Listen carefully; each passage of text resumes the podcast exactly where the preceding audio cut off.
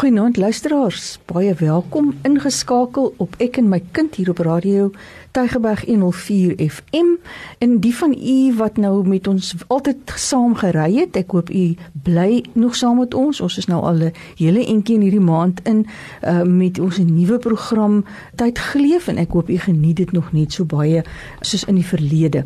Ons is steeds besig om te gesels oor die verskillende struikelblokke tot leer en omstandighede wat daartoe lei dat kinders baie dikwels uh, nie gesien word as om hulle potensiaal te bereik nie, maar ons wil eintlik deur middel van hierdie reeks ook vir u sê dat elke kind op sy eie manier of op haar eie manier haar eie potensiaal kan bereik en dat ons ook binne in die Weskaap Onderwysdepartement voorsiening maak vir programme wat kinders sodanig in staat dan stel om elkeen op sy eie manier uh, sy potensiaal te kan bereik. En die ons waarvan ek almal praat is ek Sura Swart en saam met my Neville Kolai. Goeienaand Sura, goeienaand liewe luisters.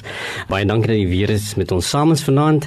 Weet jy Sura, ons, ons woon in 'n baie interessante wêreld waar ons so verskillende mense het wat verskillende verskillende behoeftes hê en, en wat op verskillende maniere leer en dit dit maak hierdie ja. onderwysstelsel waarna ons is so 'n interessante veld dat ons juis mense het wat verskillend is en gevolglik moet die program ook anders wees en verskillend wees om hierdie akkommodasie te kan maak. So daarom luister jy na ons ons ons vir u kan inlig rondom wat is dit wat u moet doen en wat is dit wat u moet weet in onderwys vandag. En waaroor ons vanaand gaan gesels is die onderwysondersteuning en of wat ons bied aan leerders of kinders wat erg of baie erg verstandelik gestremd is. En saam met ons in die ateljee het ons vanaand die programbestuurder by die Weskaap Onderwysdepartement se hoofkantoor wat gemoeid hiermee is en dit is Heidi Meyburg baie welkom Heidi. Baie dankie.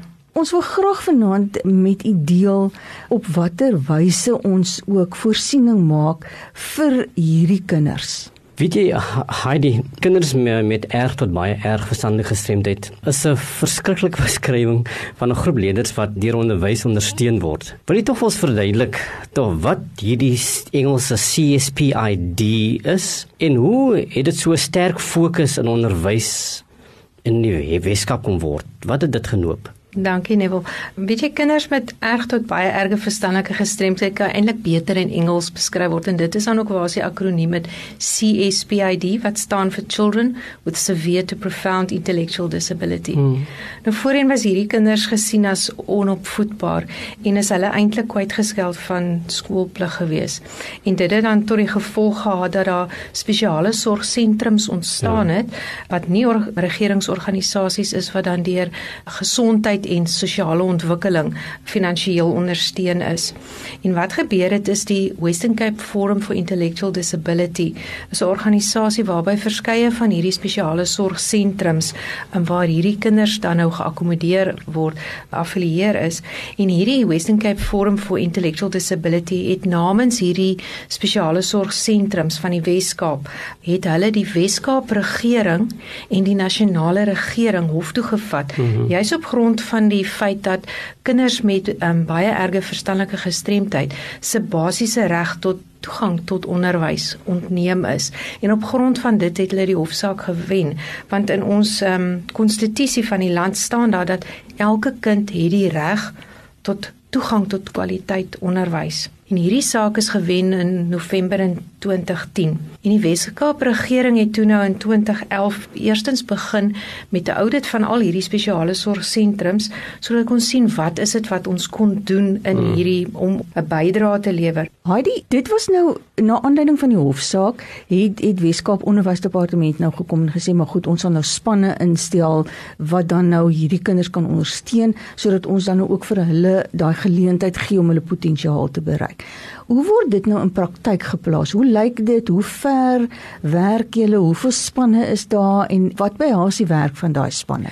So ons het tans 5 ondersteuningsuitreikspanne wat in al 8 onderwysdistrikte in die Wes-Kaap ondersteuning bied. En op hierdie stadium is dit so om om en by 2119 kinders in 60 sentrums wat dan nou ondersteuning kry.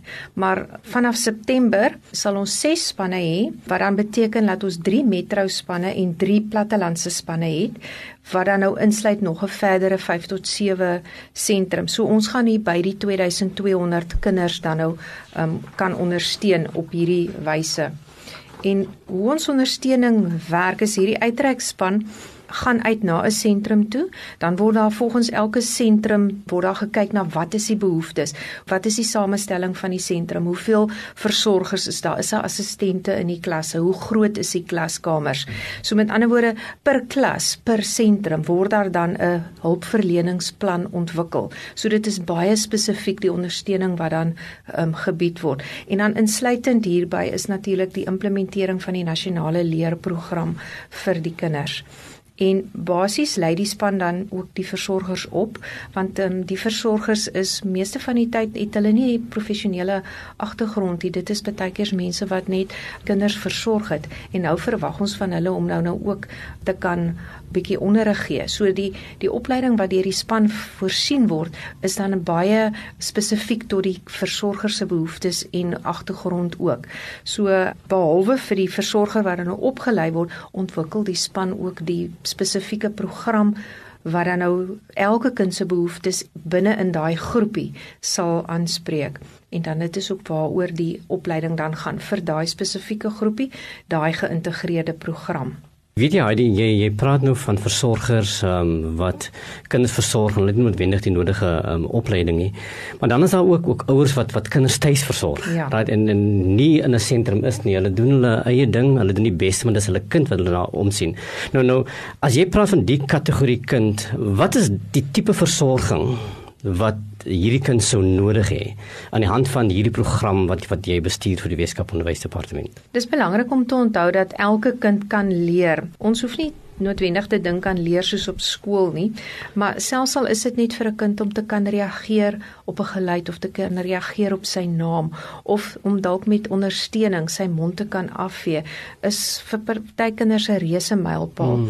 En ek dink dit is belangrik dat ouers ook besef dat ons moet die kinders lei tot soveel as moontlik selfversorgend te kan wees.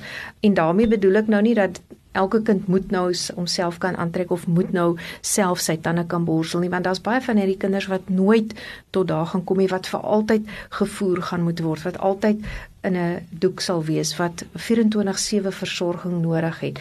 Maar mens kan soveel doen om 'n kind eintlik te help om tog daai bietjie meer te kan ontwikkel. Mm -hmm. Soos ek gesê het om die kind bewus te maak van um, om op sy naam te reageer of om met die kind te gesels en vir die kind te vertel wat ek gaan nou vir jou kossies gee. Kom, kom ons maak die mond oop of deur met hand oor hand ondersteuning die kind so ver te kry om deel te wees van die aktiwiteit om te voer om self te kan eet hoewel die hand opgelig moet word en hy gevoer moet word. So dit gaan daaroor nou dat alles se klein stappies wat geneem tot word net daai bietjie meer na die volgende vlak van ontwikkeling toe nader na om 'n bietjie selfversorgend te wees of om selfs net self 'n keuse te kan maak, te kan kies. Ek wil nie nou melk hê nie, ek wil eerder water hê, maar gee vir die kind die geleentheid om te kan kies.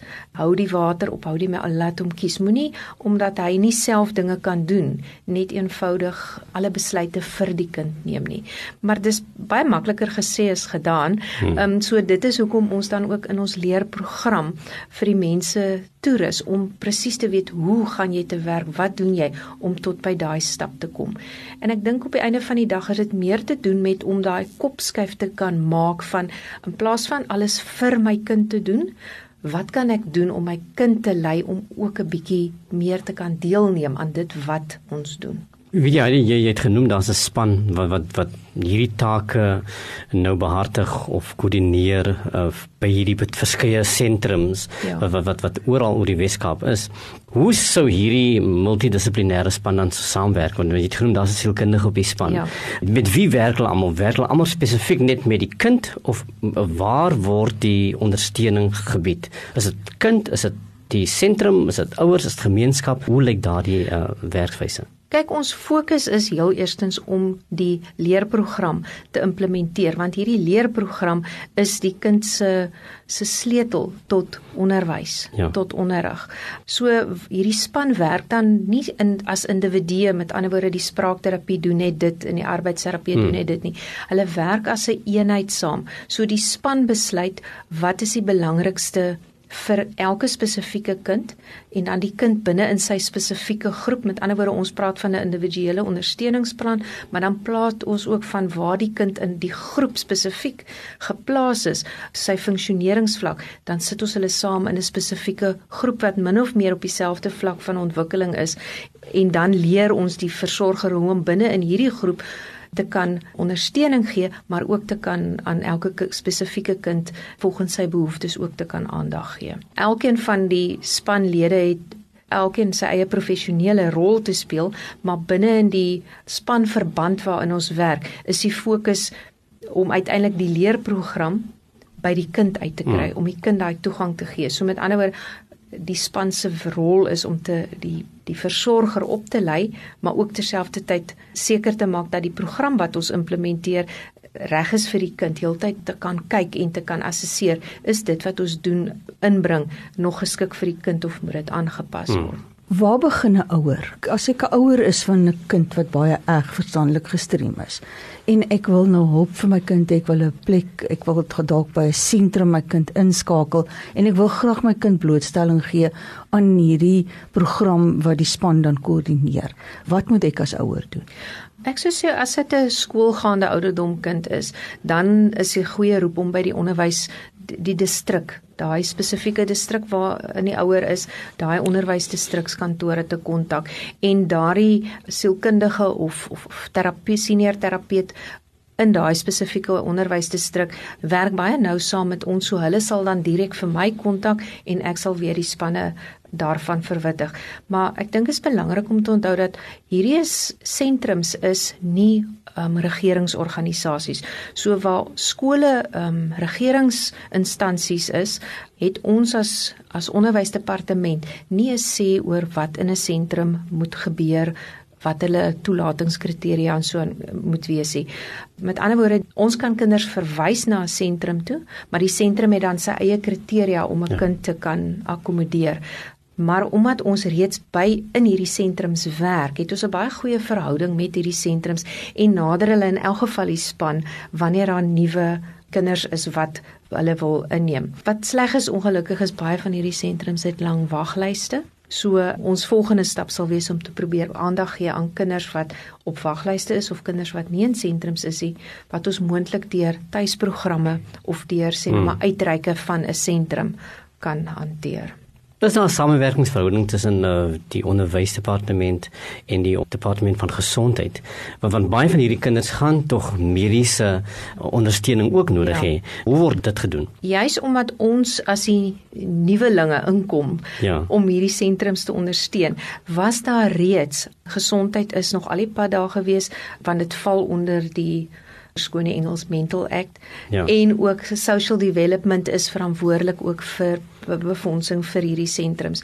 So hulle was reeds betrokke. Nou kom onderwys nou as 'n nuwe een by. So ons kan nie net instap en alles gaan verander nie. Dis reg. En ook omdat dit 'n nuwe nie regeringsorganisasie is, moet ons almal wat betrokke is by die sentrum in ag neem. So dit word op die ou end 'n baie groot samewerkingsverhouding en elkeen het sy eie verantwoordelikhede en rolle om te vervul. Luisteraars, dit was nou 'n baie interessante gesprek en ek dink dit is 'n gesprek met inligting wat vir baie van ons ouers ook baie hoop gee wat dalk 'n kind by die huis het en ek wil ook hulle aanmoedig om te sê daar is ondersteuning vir jou kind. Eh, daar is ondersteuning vir jou. So as jy vanaand na die program geluister het en jou kind is nog nie ingeskakel nie, maak asseblief so gou as moontlik kontak. Selfs al is jou kind voorskool, maak met die onderwysdepartement se distrikskantore. Die afdeling daar is die afdeling vir gespesialiseerde leerder en en opvoeder ondersteuningsdienste en hulle sal vir u help om in kontak te kom met 'n instansie wat vir u kind van hulp gaan wees en wat u dan hierdie ondersteuning kan kry waaroor hy die vanaand met ons gesels het. Heidi Meyer, baie dankie vir jou kundige insette oor hierdie baie eh, belangrike onderwerp. So baie dankie dat jy met ons kon saamgesels hier op Ek en my kind vanaand. Baie dankie en dankie vir die voorreg om ook so 'n bietjie van hierdie kinders met julle te kon deel. Dan totsiens van ons. Totsiens.